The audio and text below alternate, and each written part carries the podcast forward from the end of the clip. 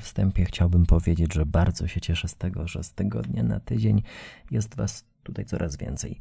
Cieszy mnie każda nowa osoba, która zapoznaje się z tymi krótkimi historiami podczas być może picia kawy, picia herbaty, czegokolwiek innego.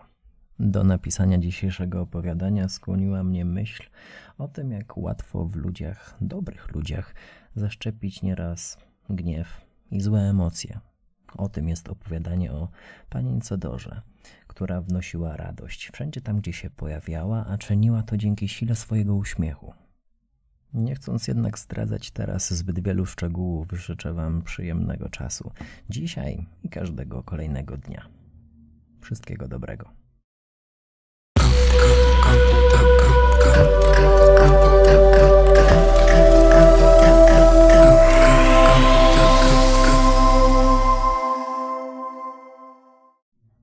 Panienka Dora była chodzącą dobrocią, do której wszystkich ciągnęło.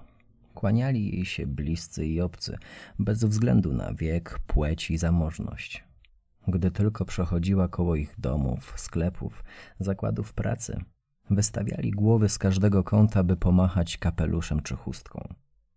Zawsze znalazła chwilę, by przystanąć, zapytać o zdrowie i samopoczucie, by swoim ciepłym uśmiechem wnieść do ich życia skrawek uciechy, co zawsze doceniali i odwdzięczali się upominkami.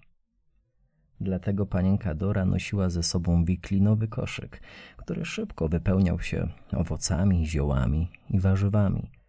Inni, czując, że bez jej uśmiechu nie zaznają ani krzty radości, obdarowywali ją rodzinnymi pamiątkami, więc jej koszyk szybko gromadził szklane figurki, szkatułki, pierścionki i naszyjniki przekazywane z pokolenia na pokolenie, książki – skrupulatnie prowadzone dzienniki i całą masę innych rzeczy mających zdolność opowiadania dziejów mieszkańców tej mieściny. Życie panienki Dory na dobre splatało się z życiem miejscowych. Jakby z jakiegoś niewiadomego powodu jakieś mityczne pajączki roztaczały między nimi ledwie dostrzegalne nici, uzależniając los wszystkich od nastroju jednej osoby.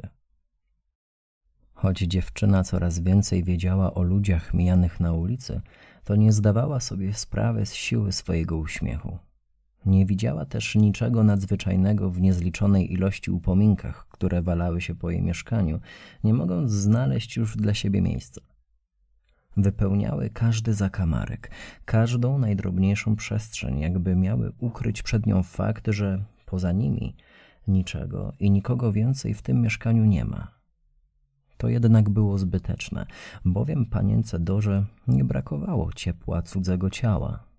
Całymi dniami przeglądała nowe podarunki, przypatrywała im się z każdej strony, obmacywała palcami wszystkie drobne pęknięcia, wypustki, odstające guzki.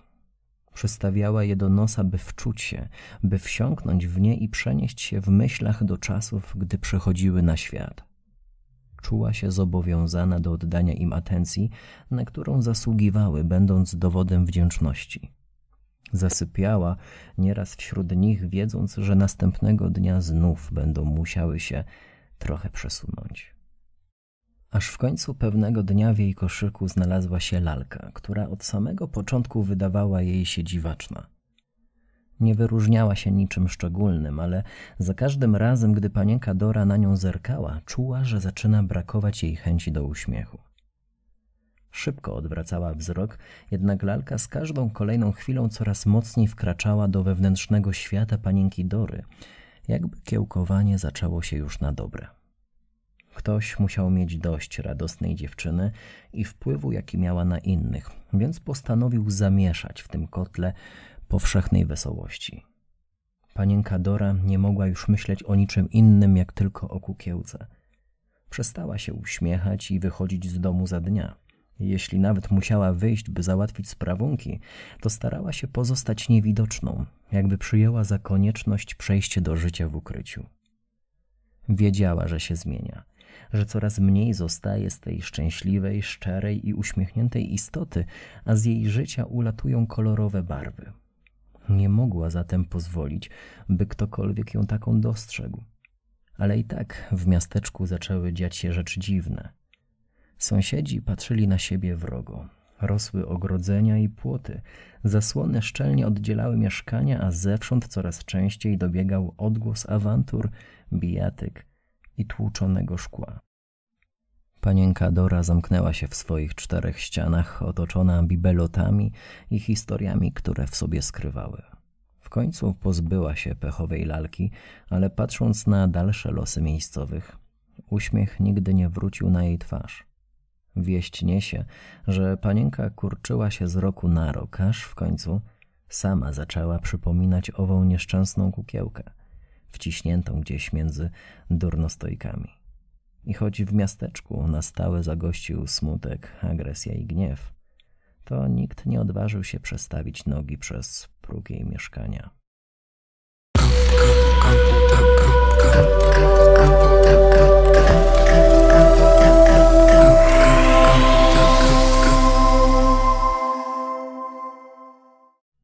Koniec jeszcze szybka prośba. Będę wdzięczny za każde dobre słowo, za każde czułe słowo na temat krótkich historii, wszędzie tam, gdzie jesteście. Na TikToku, Twitterze, Instagramie, Facebooku, gdziekolwiek. To wszystko ode mnie na dziś. Do usłyszenia za tydzień.